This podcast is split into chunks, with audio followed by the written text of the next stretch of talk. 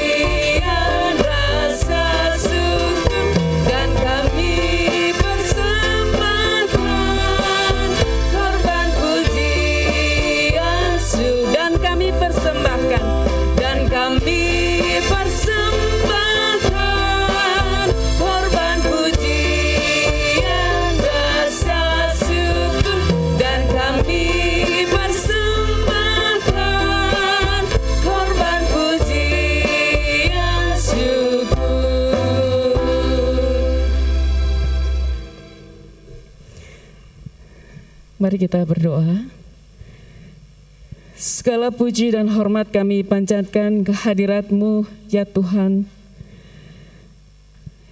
Kami bersyukur atas kasih anugerahmu. Kami rindu bersekutu kembali dengan Tuhan melalui ibadah pagi ini. Kiranya Tuhan Yesus menyertai kami dan memberkati kami semuanya, anak-anakmu yang terlibat di dalam tata ibadah pagi hari ini. Ampunilah kami ya Tuhan atas dosa dan kelemahan kami, dosa terhadap Tuhan dan sesama kami. Kiranya Tuhan menyertai ibadah pagi ini dari awal hingga akhir ke dalam tangan kuasamu. Terpujilah namamu ya Tuhan.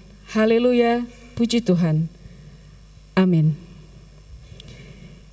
Yesus tetap kekal, penolong yang besar, dan kasihnya dikenal membasuh yang benar.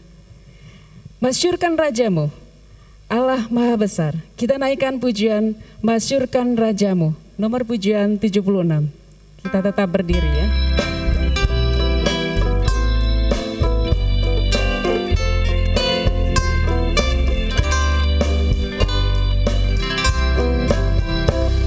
Masyurkan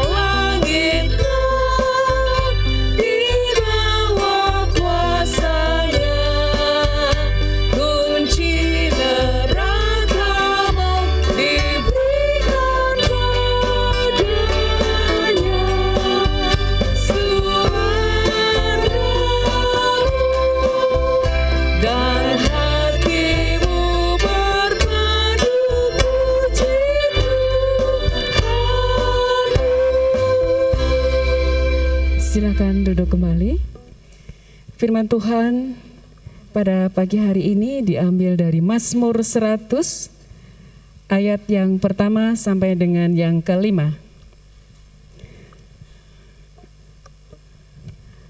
Mazmur 100 ayat yang pertama sampai dengan yang kelima. Kita akan membaca secara silih berganti. Saya akan mengawali singer dan Bapak Ibu Saudara akan membacakan di ayat yang berikutnya. Pujilah Allah dalam baitnya. Mazmur untuk korban syukur. Bersorak-soraklah bagi Tuhan, hai seluruh bumi. Beribadahlah kepada Tuhan dengan sukacita, datanglah ke hadapannya dengan sorak-sorai. Ketahuilah bahwa Tuhanlah Allah, dialah yang menjadikan kita dan punya dialah kita, umatnya dan kawanan domba gembalaannya. Masuklah melalui pintu gerbangnya dengan nyanyian syukur, ke dalam pelatarannya dengan puji-pujian. Bersyukurlah kepadanya dan pujilah namanya. Kita membaca bersama-sama. Sebab Tuhan itu baik, kasih setianya untuk selama-lamanya dan kesetiaannya tetap turun-temurun. Amin. Puji Tuhan. Kita akan mempersiapkan diri untuk menyembah Tuhan dengan memberikan persembahan dan persepuluhan. pagi hari ini, pagi hari ini persembahan khusus untuk gedung.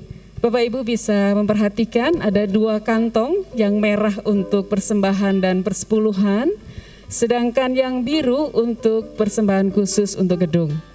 Untuk Bapak Ibu yang beribadah di rumah secara live streaming, silakan kalau rindu untuk memberikan persembahan khusus bisa di amplop secara khusus ditulisi judulnya untuk persembahan dan satu lagi untuk persembahan khusus. Baik, uh, kita awali untuk persembahan ini dengan satu pujian, nomor pujian 15. Pujilah Allah Bapa yang Maha Kuasa.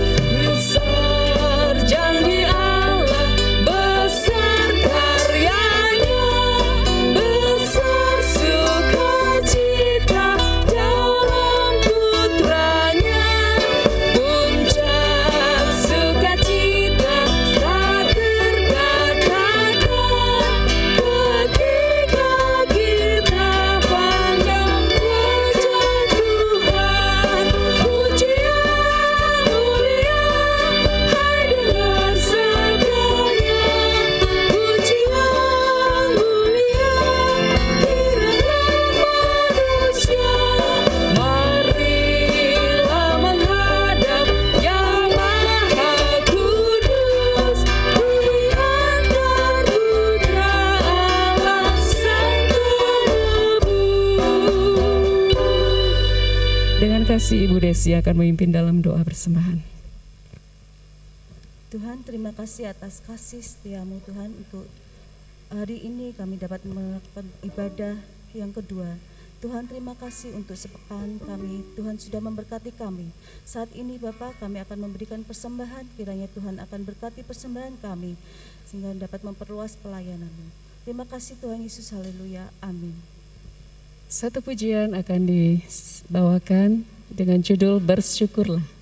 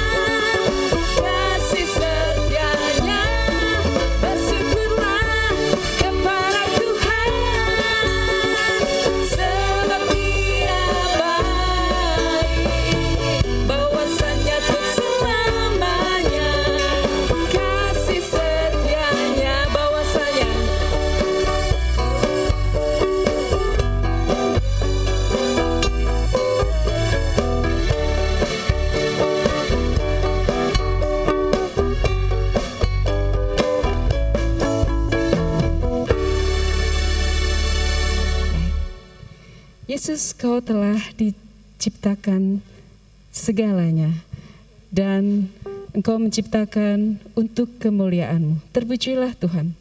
Engkau layak menerima pujian karena engkau adalah Yesus Tuhan dan Allah kami. Kita akan menaikkan satu pujian, Yesus Tuhan dan Allah kami, sebagai persiapan untuk mendengarkan dan menanggapi firman Tuhan. Dan firman Tuhan pada pagi hari ini akan disampaikan oleh Pendeta Muda Bayu T. Mari kita bangkit berdiri.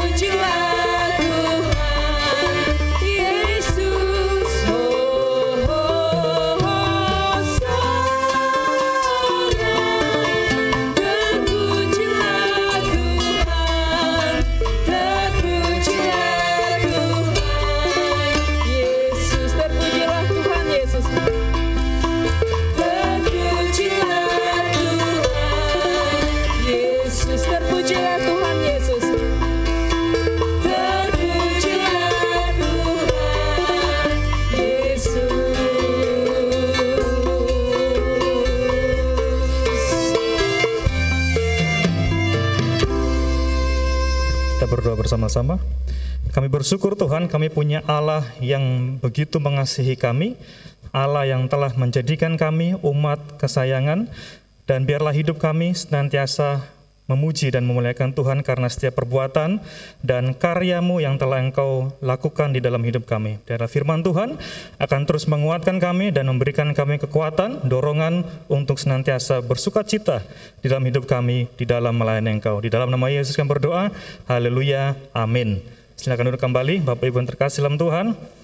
Dan mari kita bersama-sama melihat kebenaran firman Tuhan yang diambil dari kitab Mazmur pasal 100 ayat 1 sampai 5. Ah, saya memberikan judul khotbah saya alasan menyembah dan memuji Tuhan. Bapak Ibu yang terkasih dalam Tuhan sebagai orang yang percaya kepada Tuhan, kepada Kristus, uh, menjadi satu pertanyaan bagi kita, mengapa kita harus senantiasa memuji Tuhan? Apalagi kalau kita berada dalam situasi dan kondisi yang mungkin bagi kita tidak uh, bisa mungkin kita merasakan tidak nyaman dalam keadaan sakit ataupun mungkin dalam keadaan yang tidak berkenan, apakah kita tetap harus memuji Tuhan? Terkadang kalau kita memuji Tuhan dengan penuh semangat saat kita mendapatkan berkat-berkat Tuhan, saat kita diberkati Tuhan, ya, saat kita mendapatkan apa yang kita doakan. Tapi saat kita berada dalam situasi yang sulit, kita merasa tidak perlu memuji Tuhan, bahkan kita mungkin marah kepada Tuhan. Nah, saudara yang terkasih Tuhan, mari lihat dari kehidupan Pak Pemasmur, dia mengajak kita untuk memaknai kehidupan di dalam uh, pribadi, di dalam kehidupan kita sebagai orang-orang yang percaya dan mengajak kita untuk senantiasa memuji dan memuliakan nama Tuhan. Bagian yang pertama yang akan saya bagikan kepada saudara sekalian bahwa mengapa kita perlu uh, memuji Tuhan dan menyembah Tuhan karena dialah pencipta dan pemelihara umatnya.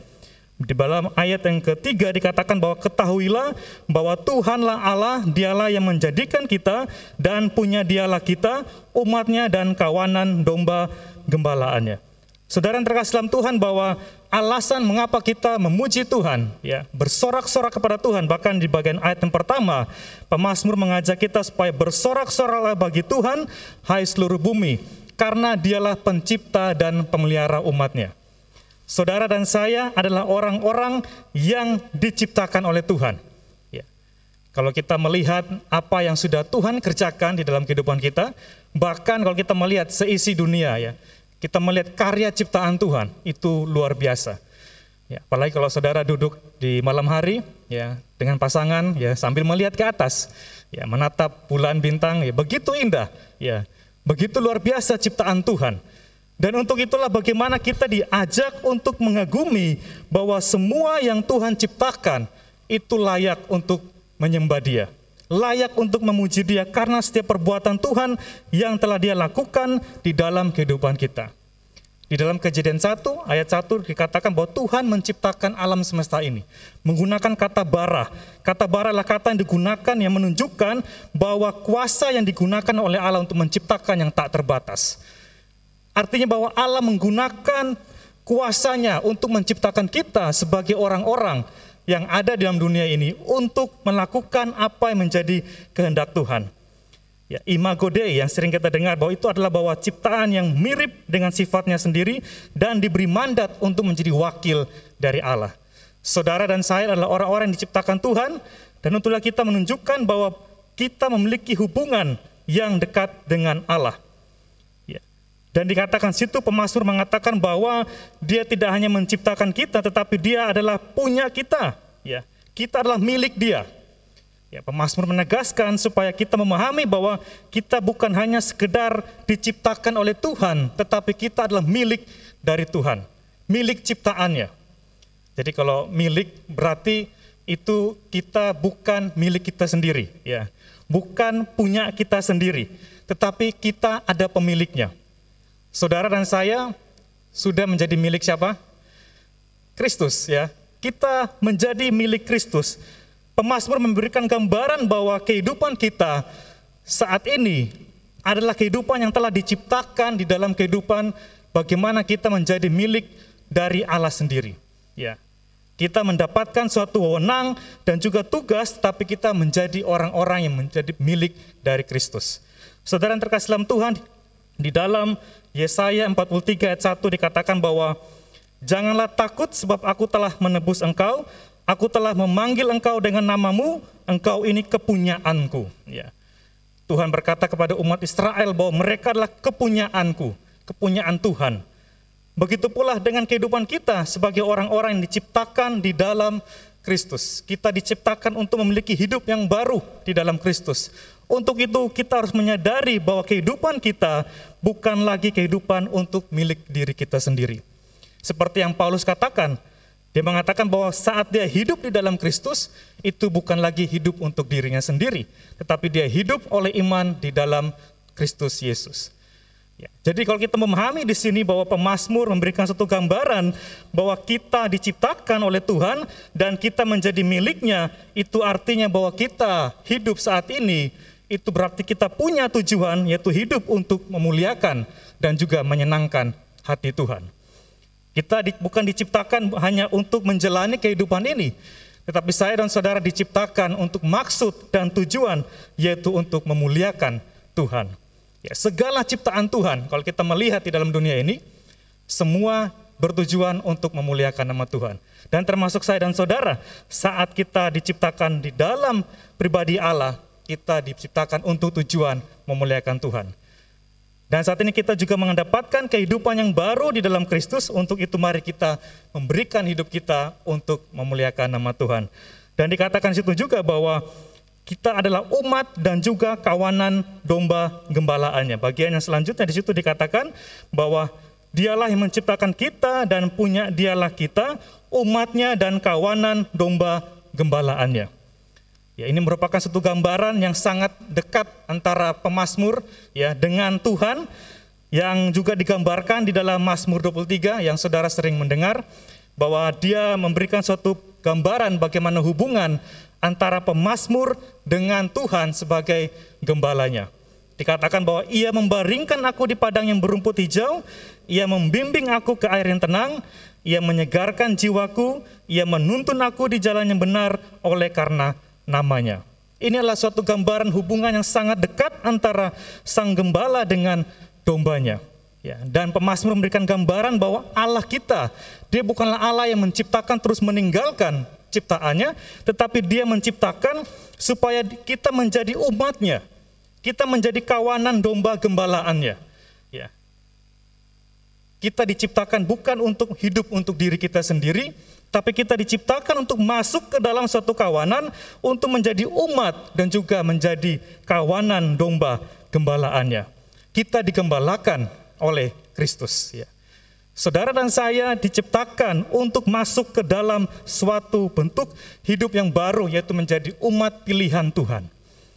Jadi kita bukan hidup untuk uh, menyenangkan diri kita sendiri seperti yang tadi saya katakan, tetapi bagaimana juga pemazmur mengatakan bahwa Allah menciptakan kita supaya kita masuk menjadi umatnya dan menjadi kawanan domba gembalaannya. Dan inilah yang terjadi dan digenapi di dalam pribadi Tuhan Yesus. Yesus mengatakan bahwa dialah gembala yang baik. Ya. Gembala yang baik adalah gembala yang memberikan nyawanya bagi domba-dombanya.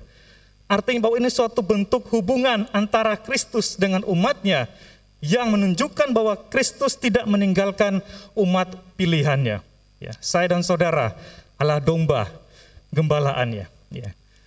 Jadilah domba yang taat ya. Domba itu kan identik dengan uh, binatang yang uh, tubuhnya besar ya, terus jalannya lambat ya. Tetapi dia mempunyai kelebihan ya, dia punya pendengaran yang tajam. Ya, makanya Yesus mengatakan domba yang mengenal suaranya.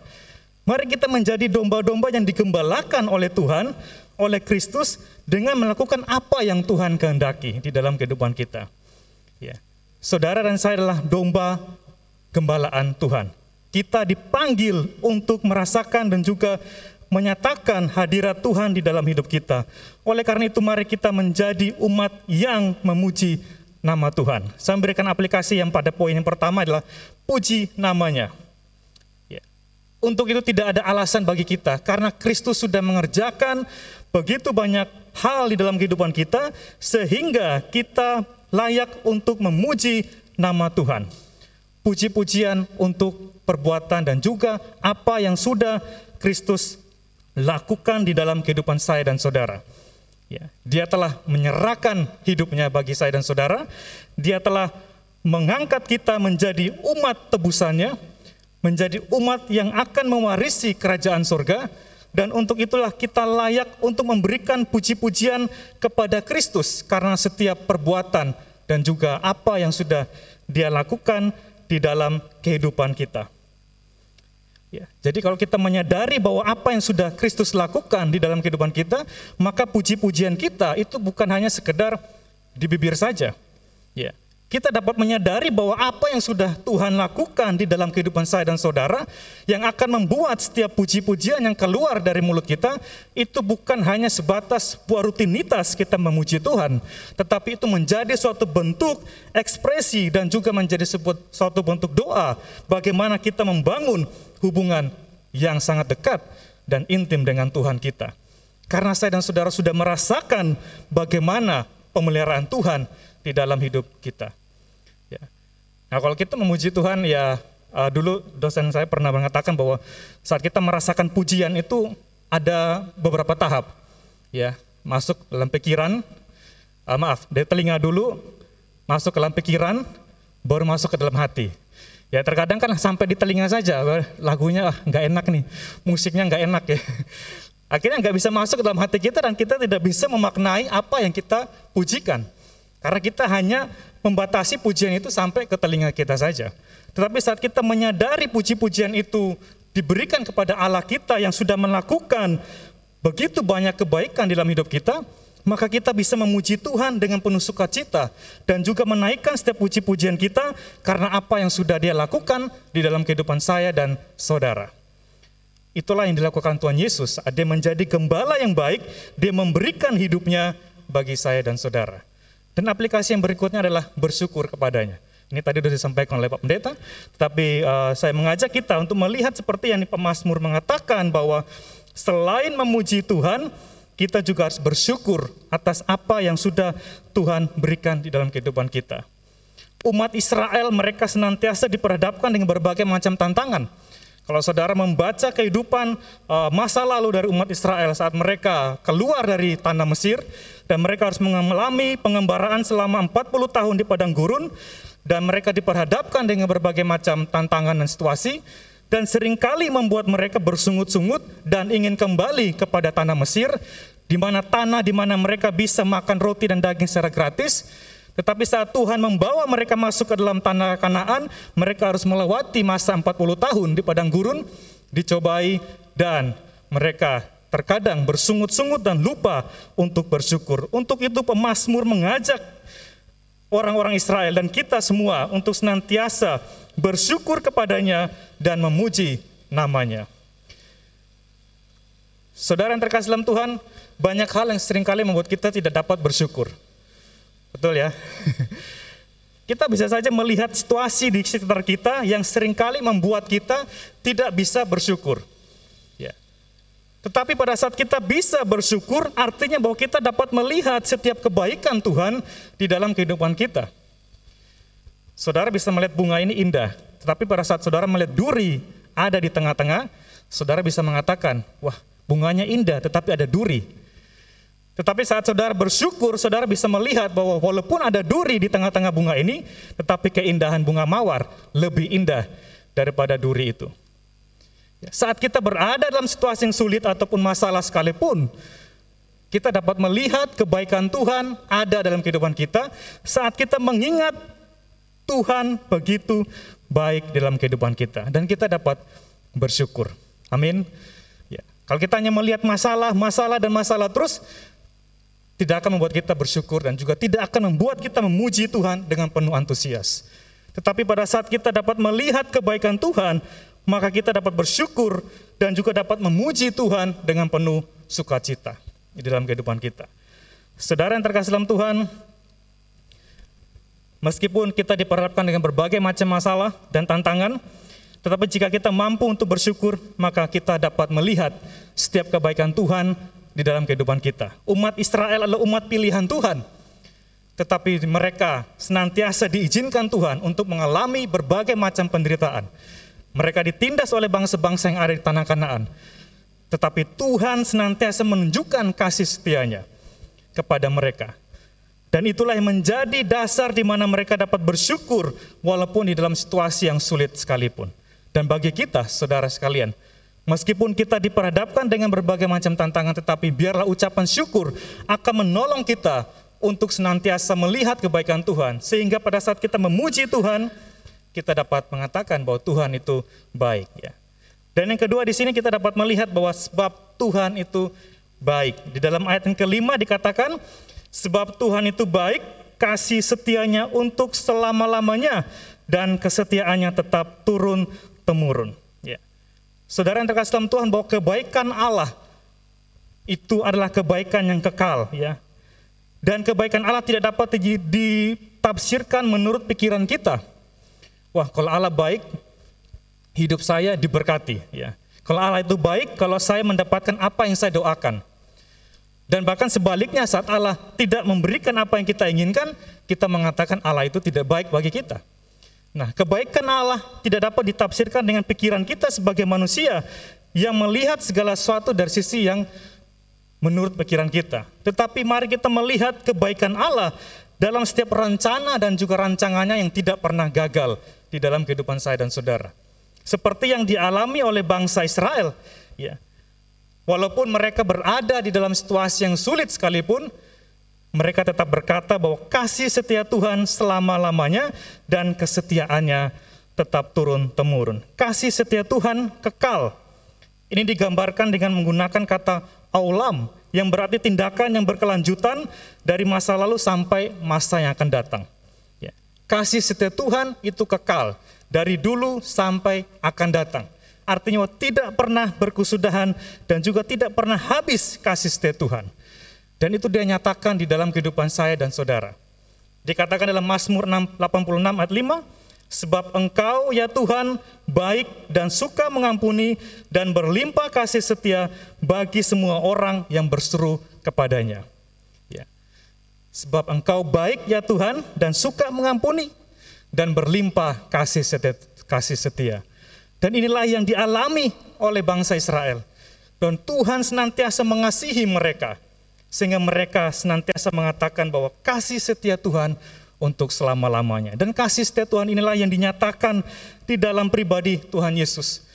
Dan dia menggenapi apa yang menjadi kasih setia Tuhan di dalam pribadi Yesus sehingga manusia yang harusnya dihukum mendapatkan pengampunan dosa di dalam pribadi Tuhan Yesus. Saudara yang terkasih dalam Tuhan, kasih setia Tuhan berkaitan dengan bagaimana dia mengampuni saya dan saudara. Bagaimana hidupnya dan hidup kita melihat bagaimana rancangan Allah yang telah dia genapi di dalam pribadi Yesus. Dan itulah yang dia lakukan di dalam kehidupan pribadi Yesus sehingga kita mendapatkan pengampunan dan juga kehidupan yang baru di dalam Kristus. Sehingga apa yang kita dapat lihat dan kesetiaannya sampai kepada anak cucu dan juga turun temurun ya. Kalau kita melihat di dalam ayat yang kelima di bagian akhir dikatakan bahwa dan kesetiaannya tetap turun temurun. Ini berkaitan dengan bagaimana Tuhan memelihara hidup bangsa Israel dan juga kehidupan kita sebagai orang-orang yang berada dalam Kristus. Bahwa kesetiaannya itu sampai kepada anak cucu dan bahkan tidak pernah habis-habisnya. Ya, kita dapat melihat bagaimana generasi-generasi ya diberkati oleh Tuhan dan sampai saat ini pun saya dan saudara dapat menikmati kebaikan Tuhan di dalam kehidupan kita. Kita dapat melihat bagaimana anak-anak kita, ya cucu-cucu kita, ya tetap merasakan kesetiaan Tuhan, tetap merasakan kebaikan Tuhan, dan itulah yang dinyatakan Tuhan di dalam kehidupan saya dan saudara. Dan aplikasinya adalah bahwa mari kita beribadah dengan sukacita. Kebaikan Tuhan akan membuat kita merasakan setiap ibadah kita itu dengan penuh sukacita. Ya.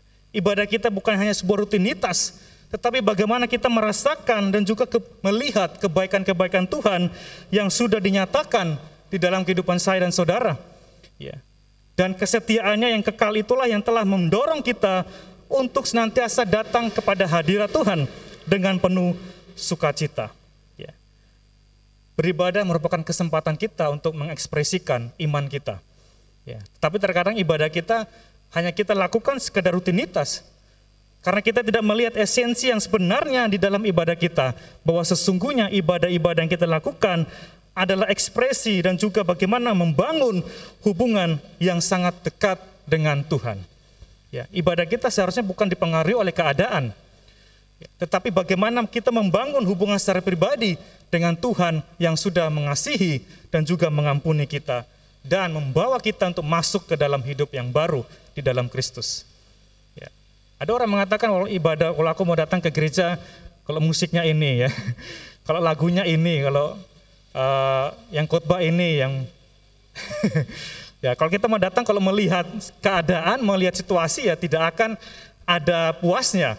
Ya, kalau kita meminta hal-hal yang mungkin bagi kita, wah seperti ini, ya tidak akan dapat puasnya. Tetapi saat kita datang beribadah dengan membawa ucapan syukur kita karena kita merasakan kebaikan Tuhan, maka apa pun itu, itu akan membuat kita memuji Tuhan dengan sukacita. Saya pernah ikut ibadah di uh, sebuah gereja di Jakarta yang sangat besar gereja itu hanya cuma piano. Tadi Pak Eko juga sudah bilang bahwa ada yang tidak mau menerima alat-alat musik yang lain. Ya, tetapi yang menghadiri ibadah itu sekitar 14.000 jemaat. Ya, saya membayangkan hanya dengan piano, ya mereka bisa memuji Tuhan yang luar biasa. Dan gereja kita ya bersyukur kita bisa menikmati puji-pujian dengan sukacita. Ya, ibadah pagi ada, ibadah sore ada. Dan mari kita jadikan setiap ibadah kita bukan hanya sebuah rutinitas, kita datang untuk mendengar lalu pulang, tetapi mari kita membangun hubungan yang sangat dekat dengan Tuhan lewat setiap puji-pujian kita. Sehingga apa yang kita dapatkan di setiap ibadah kita bukan merupakan rutinitas, tetapi merupakan suatu pengalaman yang kita bangun di dalam Tuhan. Ya, jadi kalau kita pulang dari, dari ibadah kita, jangan sampai kita mengatakan, wah saya nggak dapat berkat. Ya. Terus berkatnya seperti apa yang sedang dicari? Tetapi saat kita mendatang dengan ucapan syukur dan merasakan hadirat Tuhan lewat setiap puji-pujian dan firman Tuhan, maka kita dapat membangun hati kita terkoneksi dengan Tuhan. Untuk itu pemazmur mengatakan, datanglah ke hadapannya dengan sorak-sorai. Ya. Dikatakan situ bahwa bersorak-soraklah bagi Tuhan, hai seluruh bumi, dia dalam ayat yang pertama, dan juga ayat yang kedua dikatakan, datanglah ke hadapannya dengan sorak-sorai. Ya, kata sorak-sorai diterjemahkan dengan dengan bersukacita, ya, beribadah dengan bersukacita, dengan girang, dengan penuh antusias. Ya, ya saya tidak mengajak saudara untuk uh, lompat-lompat, ya jingkrak-jingkrak. ya nggak apa-apa kalau itu mungkin ekspresi saudara. Ya, tidak ada larangan bagi kita untuk menyembah Tuhan. Yang penting teratur dan sopan. Tetapi yang dimaksud oleh pemazmur di sini, kita datang dengan suatu ekspresi karena kita merasakan kebaikan Tuhan ya bukan beban, bukan suatu aturan, bukan suatu uh, datang dengan permasalahan yang ada, tetapi kita datang dengan sukacita, dengan antusias, memuji Tuhan, dengan menyembah Tuhan, dengan penuh sukacita dan sorak-sorai. Ya. Karena hati kita sudah dipenuhi dengan kebaikan-kebaikan Tuhan yang akan mendorong kita memuji Tuhan dengan antusias. Ya. Memuji Tuhan dengan antusias karena kita merasakan kebaikan-kebaikan Tuhan. Inilah yang akan menjadi kekuatan kita di dalam kita memuji Tuhan.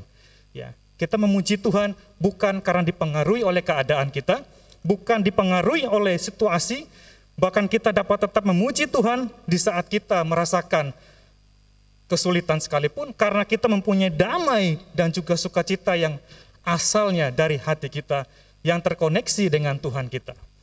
Saudara memiliki damai dan sukacita yang bersumber dari Tuhan, saudara tidak akan dipengaruhi oleh situasi dan keadaan. Ya. Dan saudara akan memuji Tuhan seperti yang dialami oleh pemazmur, bahwa mereka datang dengan sukacita dan sorak-sorai karena mereka telah melihat setiap perbuatan dan juga kebaikan Tuhan di dalam hidup mereka. Dan itulah yang membuat mereka memuji Tuhan dengan penuh antusias dan sorak-sorai. Dan mari kita menaikkan setiap puji-pujian kita, ya ibadah kita. Di dalam kesempatan kita memuji dan menyembah Tuhan, kita angkat setiap pujian dengan penuh sukacita. Ya, karena saya dan saudara sudah merasakan kebaikan-kebaikan Tuhan, ya. Kebaikan-kebaikan Tuhan tidak pernah habis dan kekal sampai turun temurun. Dan itulah yang kita rasakan sampai saat ini. Ya. Dan meskipun kita harus diperhadapkan dengan berbagai macam situasi dan kondisi yang ada, seperti pandemik ini, tetapi tidak menyerutkan sukacita kita untuk memuji kebaikan Tuhan karena sudah dinyatakan di dalam kehidupan saya dan saudara. Biarlah kebenaran firman Tuhan ini akan terus mendorong kita untuk melakukan setiap puji-pujian kita, penyembahan kita kepada Tuhan yang penuh antusias, yang penuh sukacita. Karena apa yang sudah Tuhan lakukan di dalam kehidupan saya dan saudara, itulah yang menjadi kesaksian yang hidup bagi orang-orang di sekitar kita. Karena kita sendiri sudah merasakannya. Mari kita berdoa. Tuhan yang kami sembah dalam nama Tuhan kami Yesus Kristus, kami bersyukur karena kami punya Allah yang hidup, yang telah menyerahkan nyawanya bagi kami, sehingga kami mendapatkan penebusan di dalam Kristus. Dan inilah yang menjadi sukacita kami, inilah yang menjadi kekuatan kami untuk memuji Tuhan. Dan biarlah apa yang sudah engkau lakukan di dalam kehidupan kami, akan mendorong kami untuk senantiasa menyembah Tuhan untuk senantiasa memuji Tuhan di dalam setiap langkah hidup kami. Tidak hanya di gereja ini Tuhan, tetapi dalam setiap langkah hidup kami, kami mau memuji Tuhan karena kebaikan Tuhan yang sudah Engkau nyatakan di dalam hidup kami. Terima kasih Tuhan atas kebenaran firman-Mu. Kami bersyukur di dalam nama Yesus kami berdoa. Haleluya. Amin. Silakan kepada Pak Pendeta.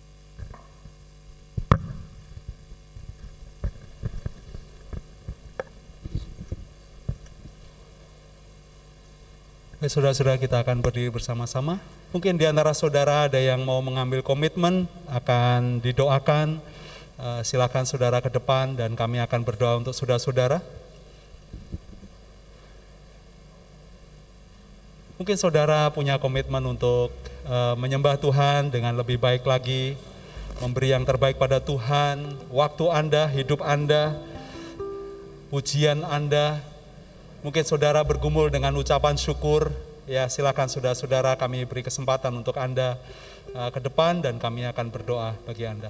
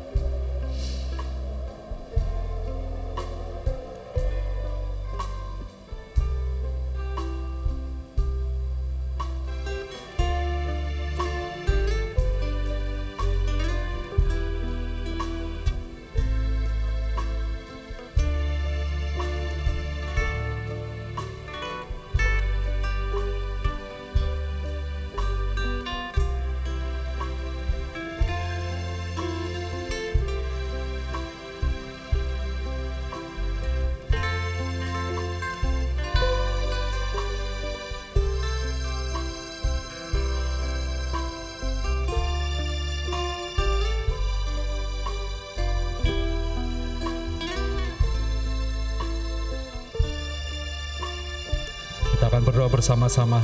Bapa di dalam surga, kami bersyukur untuk firman-Mu. Tuhan, Engkau Allah yang layak patut untuk kami puji sepanjang hidup kami. Dan biarlah puji-pujian mengalir dari hati kami, hidup kami, bibir kami, dan kemuliaan Tuhan sungguh nyata dalam hidup kami. Dan kami bisa memuliakan Tuhan dengan berbagai macam situasi yang ada di hidup kami. Bapa di surga, kami ingin berdoa, bersyafaat bagi bangsa kami, berkatilah bangsa kami, para pemimpin-pemimpin kami yang sudah berupaya dengan keras untuk mengatasi pandemi COVID-19 sampai hari ini.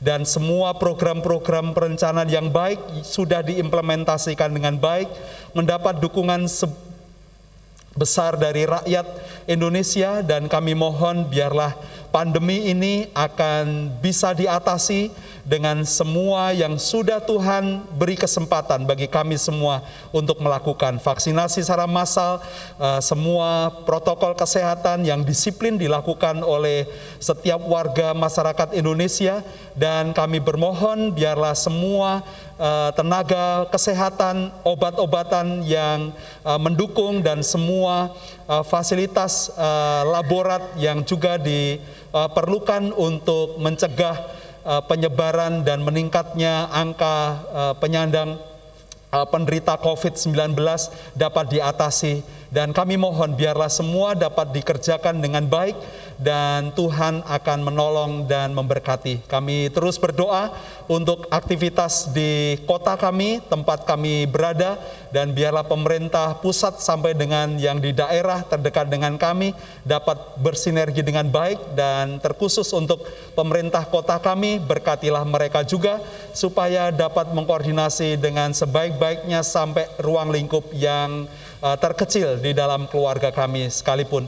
Dan kami bermohon kepadamu Tuhan, biarlah gereja kami bisa ikut ambil bagian di dalamnya untuk uh, dapat mendorong uh, pencegahan penyebaran COVID-19 dan juga dapat menunjukkan belas kasihan bagi orang-orang yang Tuhan tempatkan di sekitar gereja kami dan juga menjadi kesaksian bagi mereka agar namamu dipermuliakan. Terima kasih Tuhan dan kami bermohon terus supaya kami diberikan kesempatan demi kesempatan untuk bisa uh, memberitakan akan Injil dan juga dapat mempersiapkan setiap kami anggota gereja kami untuk bisa menjadi saksi bagi Tuhan di tengah-tengah kehidupan uh, masyarakat kami. Terima kasih Tuhan untuk setiap pelayanan yang Tuhan sudah percayakan pada kami melalui gereja, melalui sekolah, melalui compassion, PPA gereja kami, semua supaya bersinergi untuk kemuliaan nama Tuhan. Inilah syafaat dan doa kami, kami naikkan dalam nama Tuhan Yesus Kristus.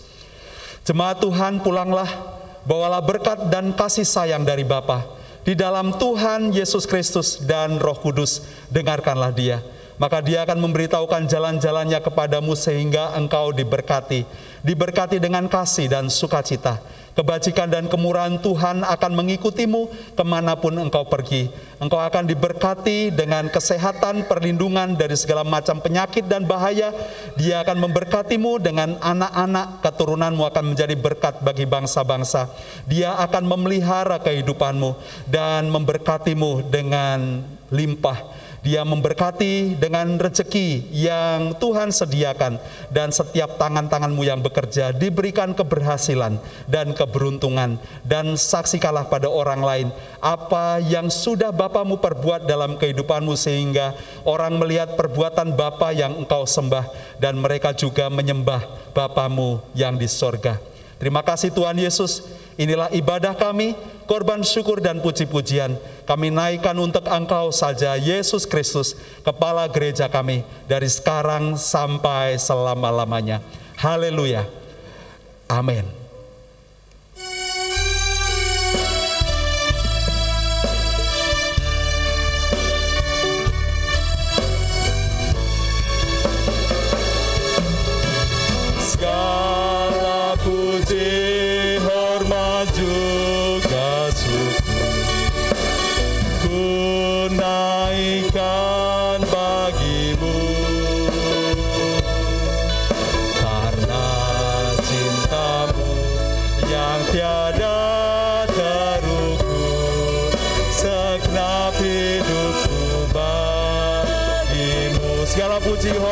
Juga syukur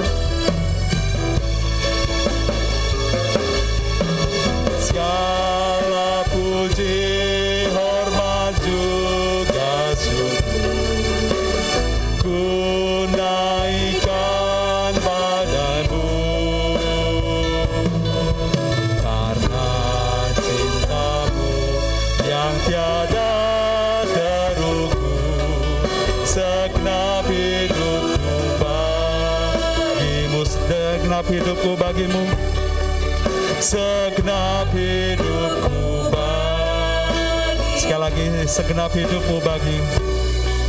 Segenap hidupku bagimu.